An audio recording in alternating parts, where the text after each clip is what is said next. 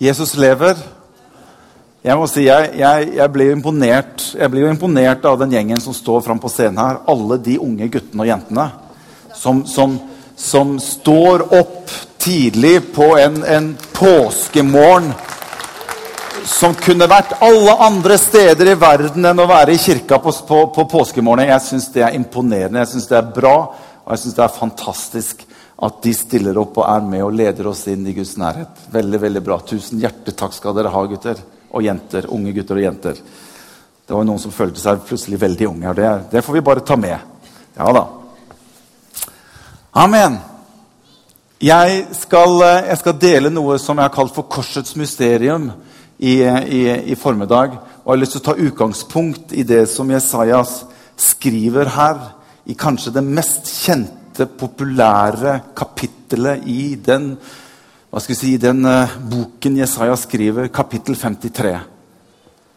Eh, og jeg har lyst til jeg, jeg har, jeg har, Det kommer til å bli litt mer komplisert i formiddag enn vanligvis, som, hvor jeg legger lista på en vanlig søndag formiddag, hvor man skal på en måte prøve å rekke liksom fra de, de yngste til de eldste. Det, det, det blir litt mer komplisert i formiddag. Så i dag må du følge med, altså helt ifra starten, ellers så mister du meg underveis her. For her blir det mye informasjon, og du må bare følge med skikkelig. Facebook har du ikke tid til i formiddag.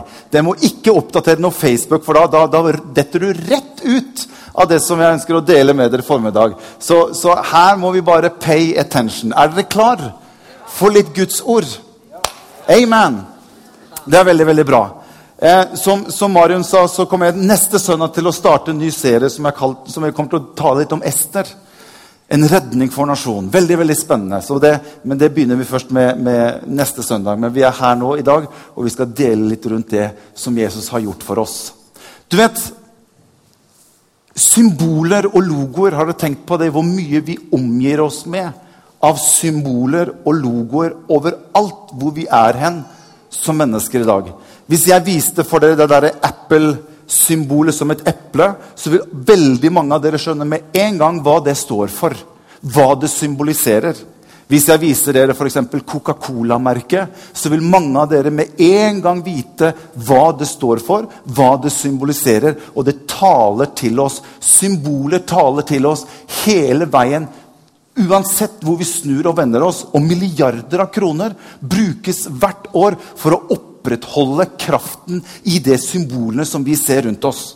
De snakker til oss, de taler til oss, og de representerer et eller annet som vi har en erfaring med som mennesker. Bibelen er full av symboler.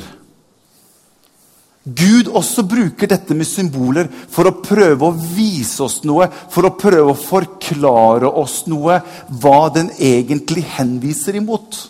F.eks. ta paktens ark. Paktens ark var et symbol. Det var et bilde på Guds nærvær i Israel som et folk. Paktens ark var ikke Guds nærvær. Det var ikke selve Guds nærvær, men det symboliserte Guds nærvær. Og Bare den paktens ark, det symbolet og det det representerte, var faktisk så sterkt at mennesker og land og nasjoner rundt Israel hadde så stor respekt for det symbolet at når de så at det symbolet var med Israels folk, så ble fienden til Israel redde. For de visste at det der symboliserer at Gud er med Israel. Og vi har ingen sjans når de har med seg det symbolet der. Det symboliserte et eller annet. Olje er et symbol i Bibelen som, som, som, som symboliserer Den hellige ånd. Det symboliserer det å være salvet av Den hellige ånd. Du har vinden i Bibelen som symboliserer ting. Du har, du har vannet som kan være med å symbolisere Guds ord osv. Bibelen er full av symboler.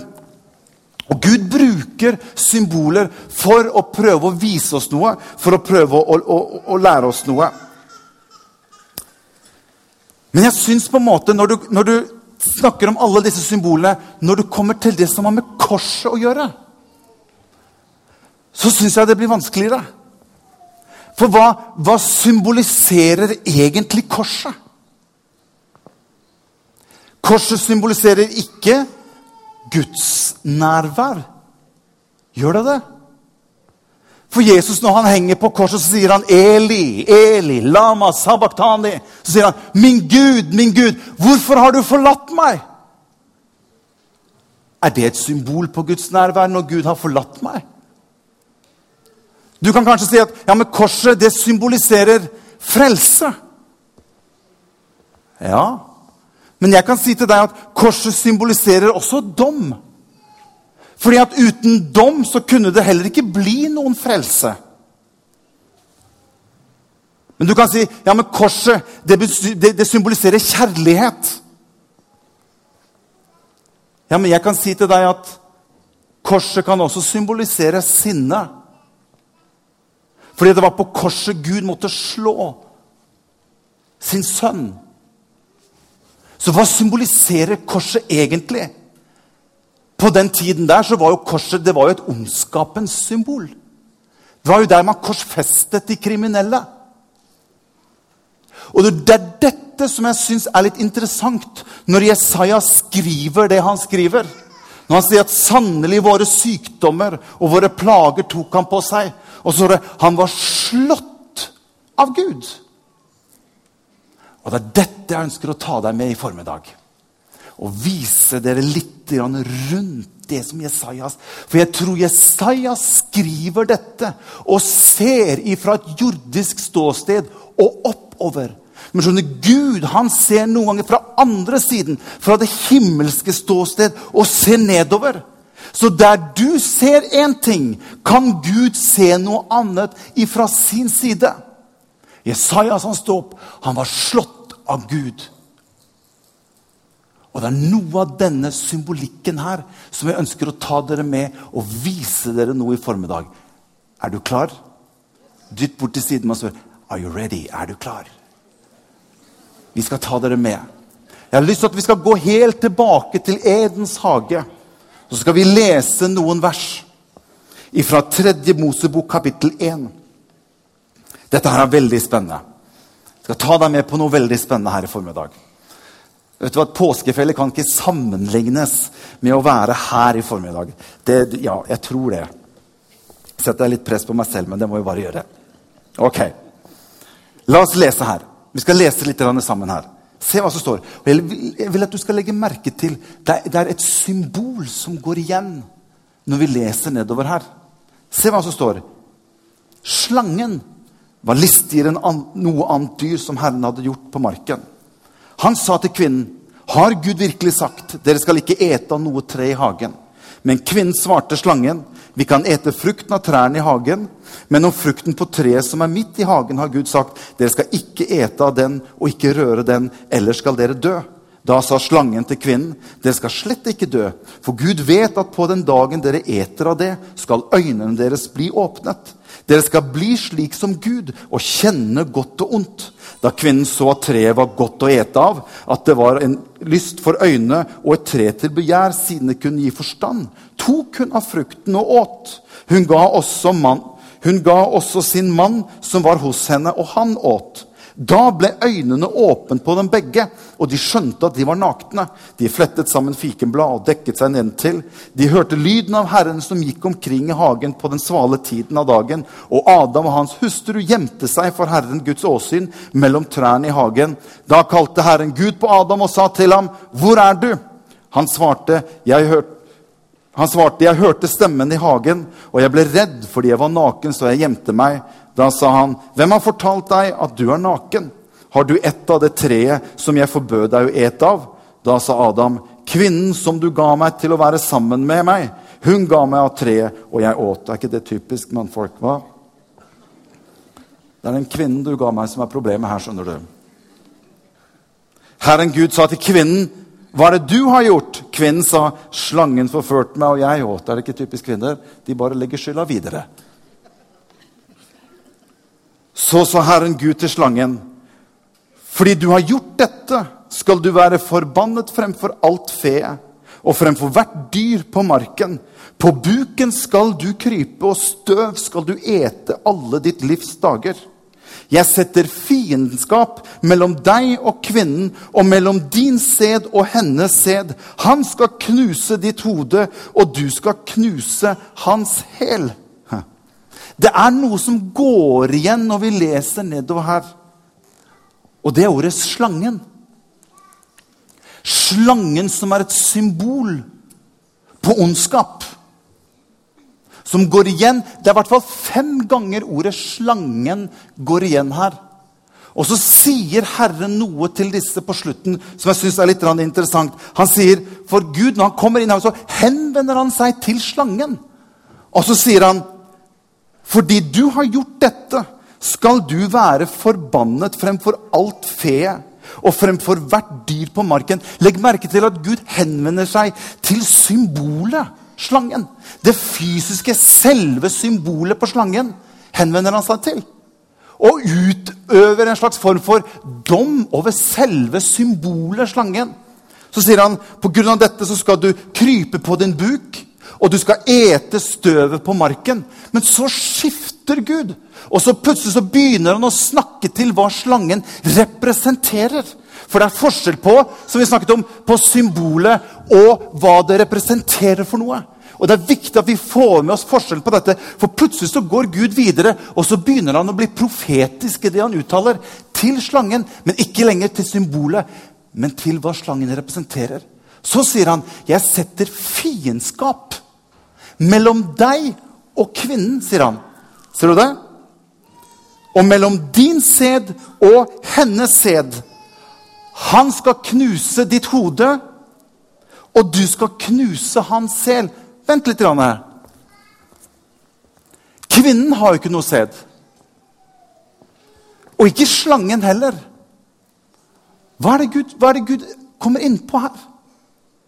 Jo, Han begynner å profetere om det som skal komme til å skje en gang. Det er en Messias-profeti. For han sier at kvinnens sæd skal knuse ditt hode. Det er en profeti om Messias som skal komme. For kvinnen har ikke noe sæd. Jesus Kristus er kvinnens sæd. Og det er han som skal komme, og han skal knuse ditt hode. Så sier Gud her, 'Jeg setter en fiendskap mellom deg, slangen, og det som skal skje en gang frem til langt fram til tid Kristus på et kors. Det vil være en kamp mellom dere inntil ditt hode kommer til å bli knust. Henger dere med? Jeg sa det blir litt dypere her i formiddag enn vanligvis. Henger du med? Ja, jeg må ha flere ja enn det, altså, ellers må jeg gå litt bekke. Henger dere med? Bra. Se her. Dette her syns jeg er spennende. skjønner du. For at slangen blir et symbol på ondskap opp gjennom tidene. Og det som er litt interessant å legge merke til, det er at du ser denne kombinasjonen av slangen og, og, og, og korset, eller slangen og, staven. Det tar ikke lang tid før du plutselig ser Moses stå foran farao. Så sier Gud til Moses, 'Kast staven på bakken.' Hva er det som dukker opp av staven? Det er en slange. Og Det står til og med at Moses ble redd og gikk vekk. Hør, Moses var ikke i utgangspunktet redd for en slange. Det hadde de sett mange ganger. Men han visste hva slangen symboliserte. Han visste at dette var ondskapen. Her er jeg inne på fiendeskapen. Og heng med, skjønner dette her er litt dypere. Gud måtte sende Moses inn igjen og la ham ta tak i slangens hale. Og hva ble det til igjen? En stokk slangen og stokken, slangen og korset. Jeg setter fiendskap mellom deg og slangen. Det kommer til å følge hverandre helt fram til korset. Og han sier at hun, hennes sæd, skal knuse ditt hode. Derfor så ser du også hvordan den onde alltid er ute etter kvinnens sæd. Det som kommer som en frukt av kvinnens liv. Så du ser annet Når Moses skulle bli født, hva skjer for noe? Den onde prøver å kvitte seg av med kvinnens sæd. Så fara går ut og sier at alle guttebarn inntil en viss alder skal tas av live. Den onde er ute etter kvinnens sæd. For han har hørt at det er kvinnens sæd som en gang skal knuse mitt hode og tilintetgjøre meg. Du ser Når Jesus blir født, på nytt igjen så utøves det en autoritet som sier at alle guttebarn skal drepes. Og Maria måtte flykte med Jesusbarnet. På nytt er den onde ute etter kvinnens sæd. Han er livredd for, for han vet at det er kvinnens sæd som skal knuse mitt hode og tilintetgjøre meg. Men fiendskapen ser du hele tiden som et symbolikk mellom hvordan det gode og onde opererer mot hverandre. opp igjennom hele Det gamle testamentet. Og hør, Det som er interessant, det er at Jesus, når han kommer på banen, så begynner han selv å snakke om denne symbolikken mellom slangen og korset. Vi skal gå videre til neste vers. Henger du med? For Jesus sier i Johannes kapittel 3 og vers 14 sier han noe veldig interessant. noe. Så sier han på samme måte som Moses løftet slangen opp i ørkenen. Slik skal også menneskesønnen bli løftet opp for at hver den som tror på ham, ikke skal gå fortapt, men ha evig liv. Hva i all verden er det Jesus snakker om her? På nytt igjen så er slangen og korset koblet opp imot hverandre. Det er en kobling. Det ligger en parallell imellom dette som har med slangen og korset å gjøre. Korset og slangen. Og Jesus sier på samme måte som Moses løftet opp slangen i ørkenen, på samme måte skal menneskesønnen bli løftet opp for at hver den som tror på ham, ikke skal gå fortapt, men ha evig liv. La oss gå tilbake til der hvor det står. Midt i ørkenen. Israel har blitt angrepet av massevis av slanger. Jeg tror jeg har et bilde av det også, så vi kan få se.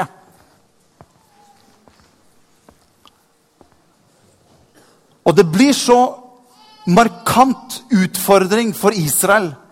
Mennesker dør av slangebitt. Så Moses han må gå inn for Gud og be til Gud og si, 'Gud, hva skal vi gjøre med ondskapen som rammer oss som folk?' Hva skal vi gjøre for noe?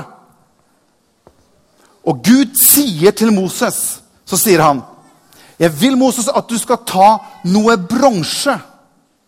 Og Nå må du følge med. Nå begynner vi å komme inn på selve liksom, sentrum her.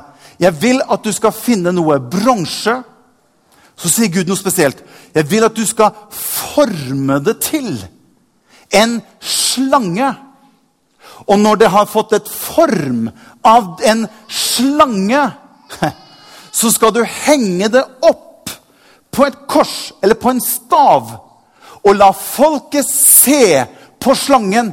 Så det samme som dreper de, er det samme som kommer til å redde de! Følg med. Moses kunne ikke bare ta noe bronse og henge det opp på en stav. Han måtte forme det til. Så Moses finner noe bronse. Så tenk på det som Jesaja sier. Han var, han var slått av Gud. Så Moses tar bronsen og så begynner Moses med denne bronsen. Og så begynner han å slå bronsen til at det formes til det som dreper hans folk, nemlig slangen. Henger dere med her nå? Ser du hva som skjer? Den dommen som Gud måtte dømme synden med, der han slår synden på korset, er det samme som Gud ber Moses om å gjøre med denne bronseslangen. Han måtte formes til det samme som bet folket. Han gjorde bronsen om til det som symbolet representerte. Og han former det til en slange, og den henges opp. Hør, Moses kunne ikke henge hva som helst opp. Han kunne ikke ta paktens ark. Det må jo være mye bedre å henge opp paktens ark. Nei. Han kunne ikke henge opp olje eller vind. eller er litt vanskelig å henge opp vind, men, men bare for å, liksom, metaforen eller symbolikken. Gud sa at det samme som ødelegger mitt folk, den samme giften som dere blir bitt med, det samme skal du henge opp for at i det blir det frelse for folket. Henger du med? Ja, dette er bra. Oi, oi, oi. oi.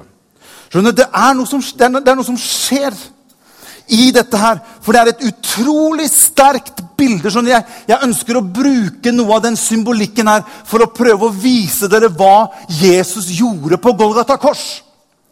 Det er noe i det som Jesajas, når han ser opp, så ser han han er slått av Gud. Og det er noe av dette som var vanskelig for Israels folk å skjønne. At den Messias som skulle komme, måtte bli slått av Gud. Hvorfor måtte han bli slått? Jesus begynner å uttale dette selv. Det er ikke jeg som har sagt det. Jesus sa det. På samme måte som Moses løftet opp slangen i ørkenen, skal menneskesønnen bli løftet På samme måte skal menneskesønnen bli løftet opp.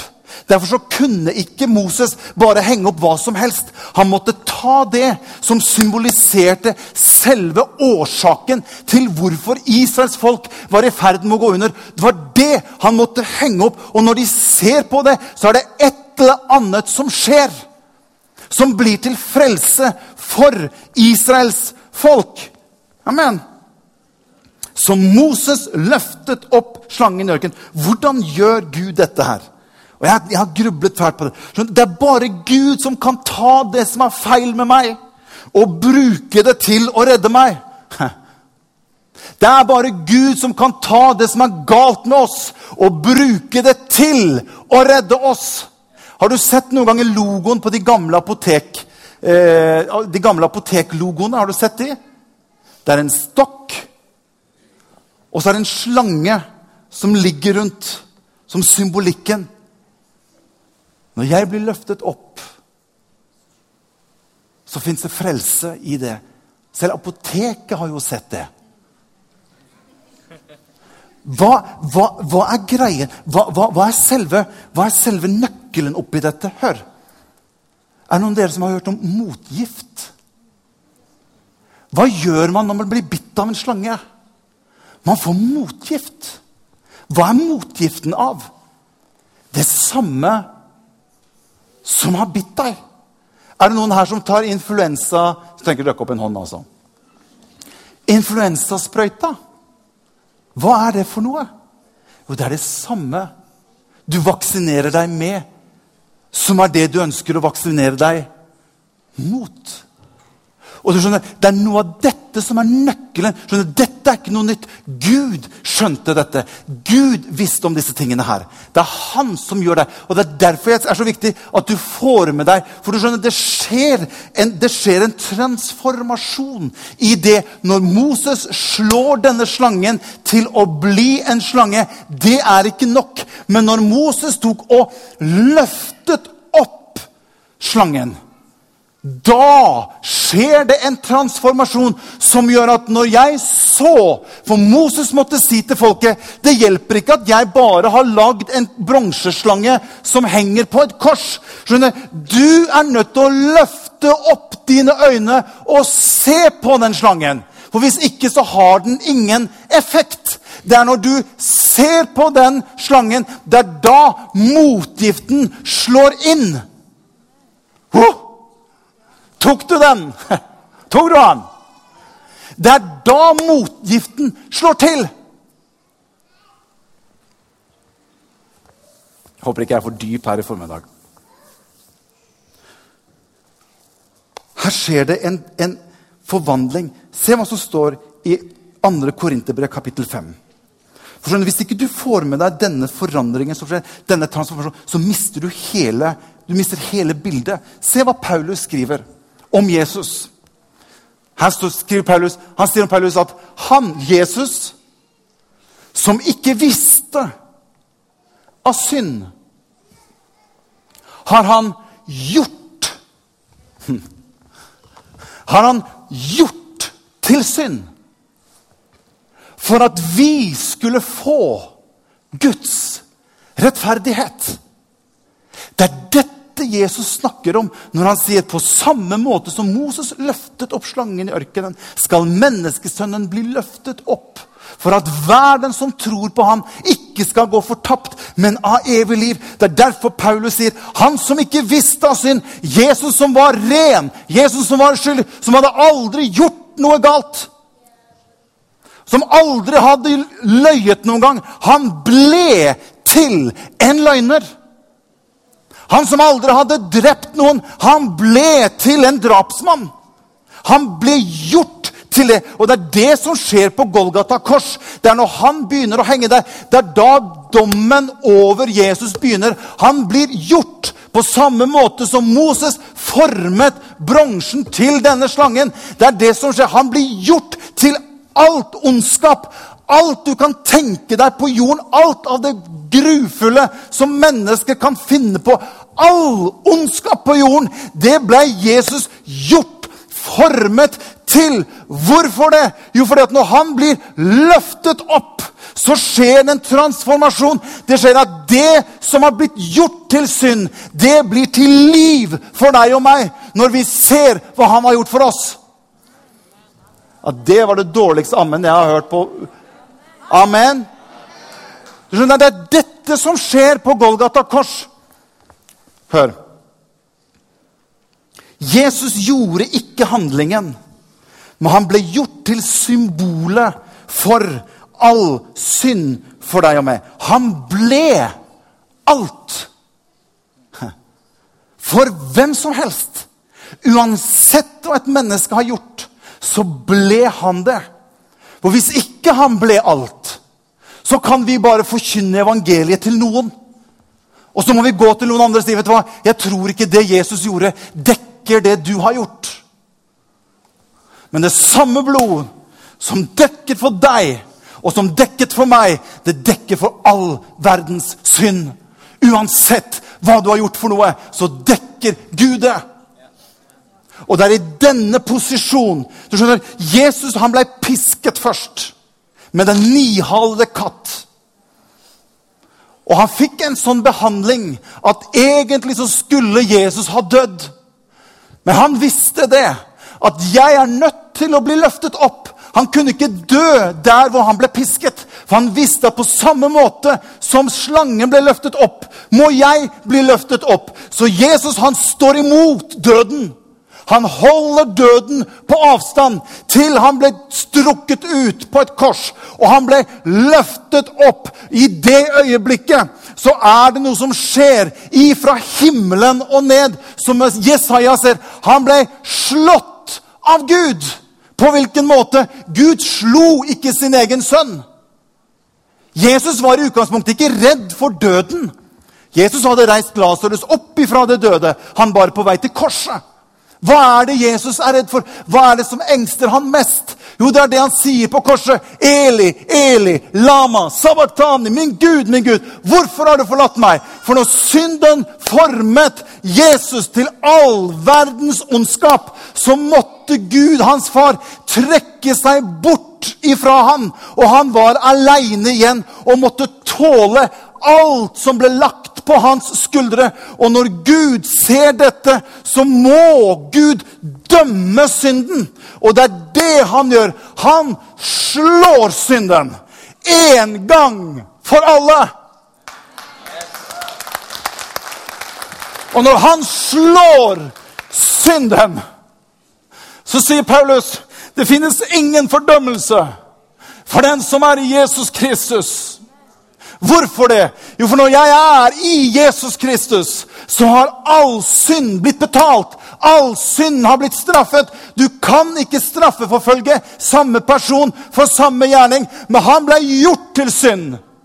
På samme måte som Moses formet slangen, så ble Jesus gjort til synd for at hver den som tror på ham, ikke skal gå fortapt, men ha evig liv. Halleluja. Thank you, Jesus. Jeg skal bare forklare med én ting til, så skal jeg gå til, til, avslutning. Jeg har lyst til å bare vise deg hvordan noe av dette skjer. Vi har en, vi har en video som jeg bare har lyst til å og så vise for deg. Så skal jeg bare forklare litt, litt til.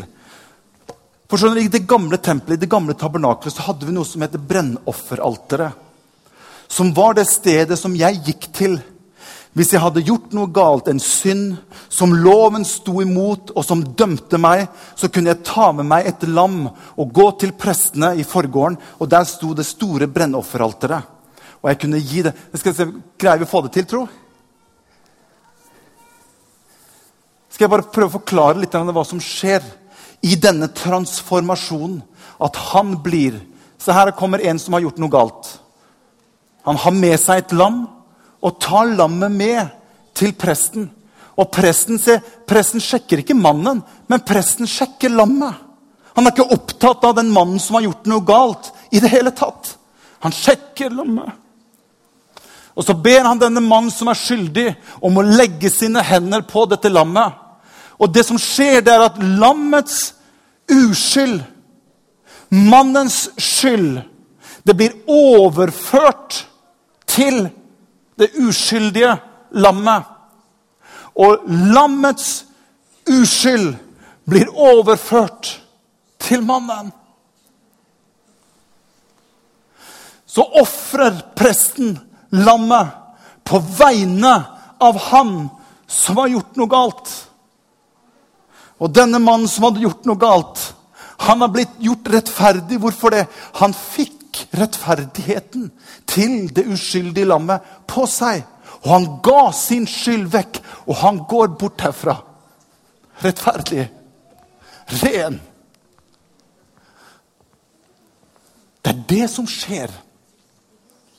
På samme måte som Jesus ble gjort til synd, blir du og jeg gjort rettferdig. Det er ingenting du og jeg kan gjøre for å få det til. Det ligger bare i det at du og jeg ser på hva han har gjort, og tar bare imot det som en gave. Kan vi ikke reise oss opp, alle sammen? Kan ikke lovsangene komme fram? Halleluja. Det er derfor Paulus sier, 'Jeg lever ikke lenger selv'. Jeg lever ikke lenger selv. Galaterne 2, vers 20.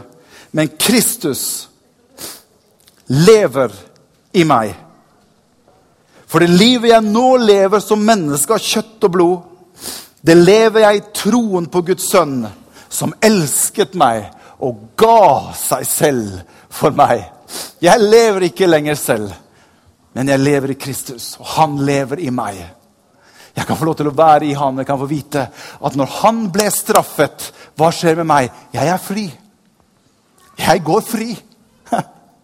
Jeg går fri. Og det er ingenting som kan komme på utsiden og gjøre meg skyldig, for jeg er i Kristus Jesus. Han har gjort meg fri. Han har satt meg fri. Halleluja. Ingenting kan anklage meg lenger, for jeg er fri. Derfor har jeg ingen fordømmelse, fordi at jeg er i Kristus. Ja, men Morten, gjør du aldri noe galt? Jo, jeg gjør mye galt. Det er ikke mye, men litt galt. Vi alle mennesker kommer til kort. Vi alle mennesker har ingen sjanse til å rekke opp. Men når jeg er i Jesus Kristus, så kan ikke den onde komme og dømme meg lenger. Fordi at jeg er i Han. Og hvis han prøver å anklage meg, så kan jeg bare si vet du hva? Dette er sonet for. Dette er straffet for. Gud slo han en gang for alle. Det trengs ikke noe mer straffesak gående. Alt er gjort ferdig. Og det er derfor Jesus står, henger på korset. Og etter at alt dette er over, og enda så har ikke den onde greid å ta livet av Jesus. For det står nemlig et sted, det kan du lese når du kommer hjem. Hadde de visst at de korsfestet Kristus, så hadde de ikke gjort det. De er litt usikre på hva som kommer til å skje. Men det er da Jesus gjorde det. Så sier Jesus til noen Er dette alt du har? Er dette alt du har å komme med? Er dette, er, har du ikke noe mer enn dette? Han utholdt å bli gjort til synd for alle menneskers synd. Ikke bare i går, ikke bare i dag, men for all synd som kommer til å skje fremover. Er dette alt du har? Så sier, så sier noen det. Jeg har ikke mer ondskap. Vi, vi, vi har lagt alt på deg. I still live. Da roper Jesus ut på korset. Det er fullbrakt. Han kunne ikke gjøre noe med meg. Og det er i denne situasjonen han sier til sin far Far, I did it. I dine hender overgir jeg min ånd. Og da stiller han enhver makt og myndighet åpenlyst til skue. På Golgata kors. Han stiller all ondskap som hadde prøvd å ta livet av ham. Alt stiller han foran seg, og så bare viser han seg som seierherre over dem idet han henger på korset og roper 'Det er fullbrakt'. All synd er betalt. All synd er sonet. All sykdom er tatt. All smerte er tatt. Alt har jeg tatt på meg. Så går han ned i dødsriket, og så forkynner han for alle fangene som er i dødsriket. Og så sier han at her er det en tro som skulle komme en gang. Her er det en profeti om at kvinnen Sev skulle knuse hans hode. Jeg har nettopp knust hans hode, og jeg er seierherren på Golgata kors. Dere kan få lov til å bli med meg inn i mitt rike. Halleluja. For evig er han her.